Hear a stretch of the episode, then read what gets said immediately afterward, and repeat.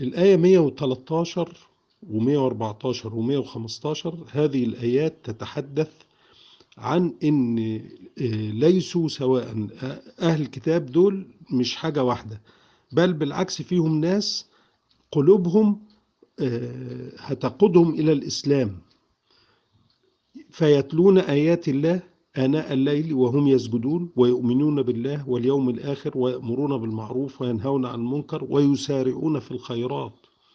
فربنا وصف هؤلاء بأنهم من الصالحين وأن ما يفعلوه من خير فلن يكفروه يعني لن يضيع أجره وسيجازون وسيثابون عليه.